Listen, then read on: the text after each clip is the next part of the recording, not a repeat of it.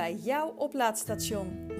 Dit is de podcast waar je jezelf kunt opladen, waar je kunt ontspannen en waar je in beweging komt.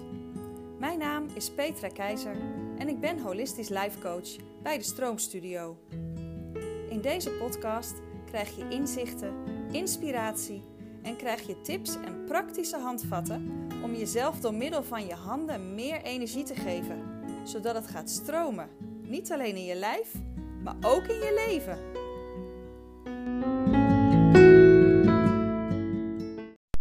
Op regelmatige basis plaats ik blogs op mijn Facebookpagina De Stroomstudio. Omdat je het misschien prettig vindt om ze in plaats van te lezen ook te kunnen beluisteren, zal ik ze ook hier op deze podcast plaatsen. Hier hoor je een van de blogs. Veel luisterplezier!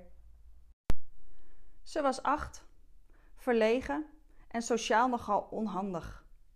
Ze begreep vaak de ongeschreven regels van spelletjes niet, wat dan resulteerde in het niet meer mee mogen doen. Ze werd soms gepest.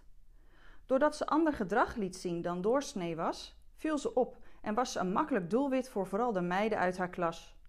Ze was ook lief, te lief soms. En tegelijk kon ze plotseling enorm verbaal uithalen vanuit een boze bui. Ze leek vaak verongelijkt, alsof ze vond dat ze iets tekort kwam. Ze voelde zich vooral onbegrepen en vaak onveilig in de groep. Ze is nu 47. Ze is een vrolijke, sterke en behulpzame moeder van drie en echtgenote van één. Ze heeft na een 18 jaar durende carrière in het basisonderwijs nu ruim 10 jaar een eigen bedrijf, waarin ze lezingen geeft aan grote groepen mensen, waarin ze trainingen geeft aan groepen en waarmee ze individuele cliënten klein en groot helpt om door te krijgen waarom ze vastzitten in gedrag en lijf. Ze heeft alle tools om zichzelf en anderen beter te begrijpen en helpen. En toch. Toch kwam het weer op als kakken. De acute, boze bui van paniek. Ze werd gevraagd voor een spelletjesmiddag met lieve mensen uit haar nieuwe dorp. Gewoon een heel leuk sociaal gebeuren.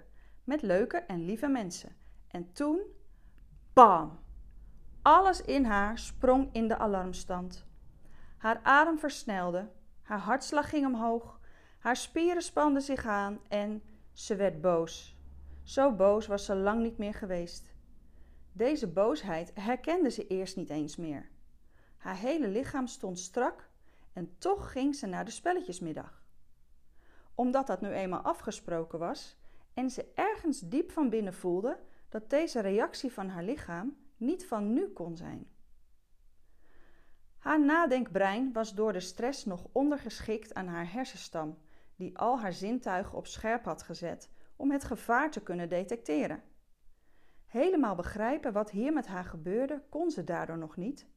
Daar was eerst een daling van haar stressniveau voor nodig.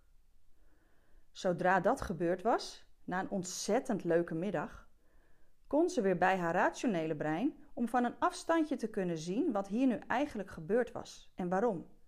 En dat was dit. Door de vraag om met relatief nieuwe mensen een middag door te brengen, ging haar emotionele brein reageren op gebeurtenissen van toen ze nog een meisje was. Zij was toen enorm slecht in sociale situaties. Die situaties waren voor haar altijd erg bedreigend en naar.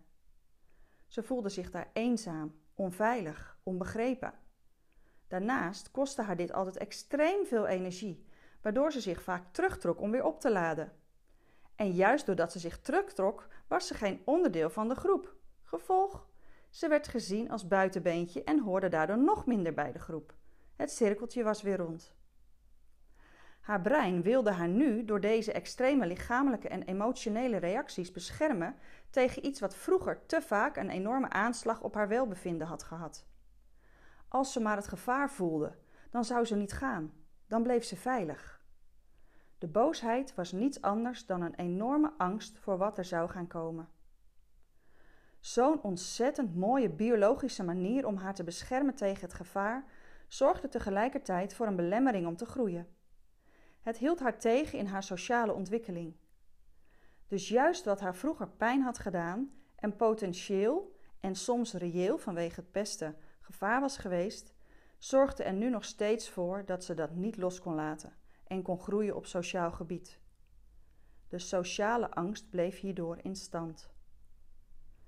Doordat ze begreep wat er gebeurd was met haar op fysiek, mentaal en emotioneel vlak, kon ze dit stuk nu echt doorvoelen. Ze kon de angst en eenzaamheid van vroeger voelen. Ze kon voelen waar dat opgeslagen lag in haar lichaam. Hierna werd ze doodmoe en kreeg ze hoofdpijn. Een prachtig mechanisme van haar lichaam om de stresshormonen af te voeren. Ze ging met haar voeten in zout water zitten, omdat dat niet alleen haar moederziel alleen gevoel koestert, maar ook veel doet met het afvoeren van afvalstoffen. En ze ging uiteraard veel stromen met Yin Shen Jutsu. Ze is nu een nog rijker mens, met nog meer inzichten in zichzelf en haar cliënten. Gedrag is altijd logisch. Het vertelt je iets. Je hoeft het alleen maar te begrijpen. En dat dat soms hard werken is, dat hoef ik jou vast niet te vertellen.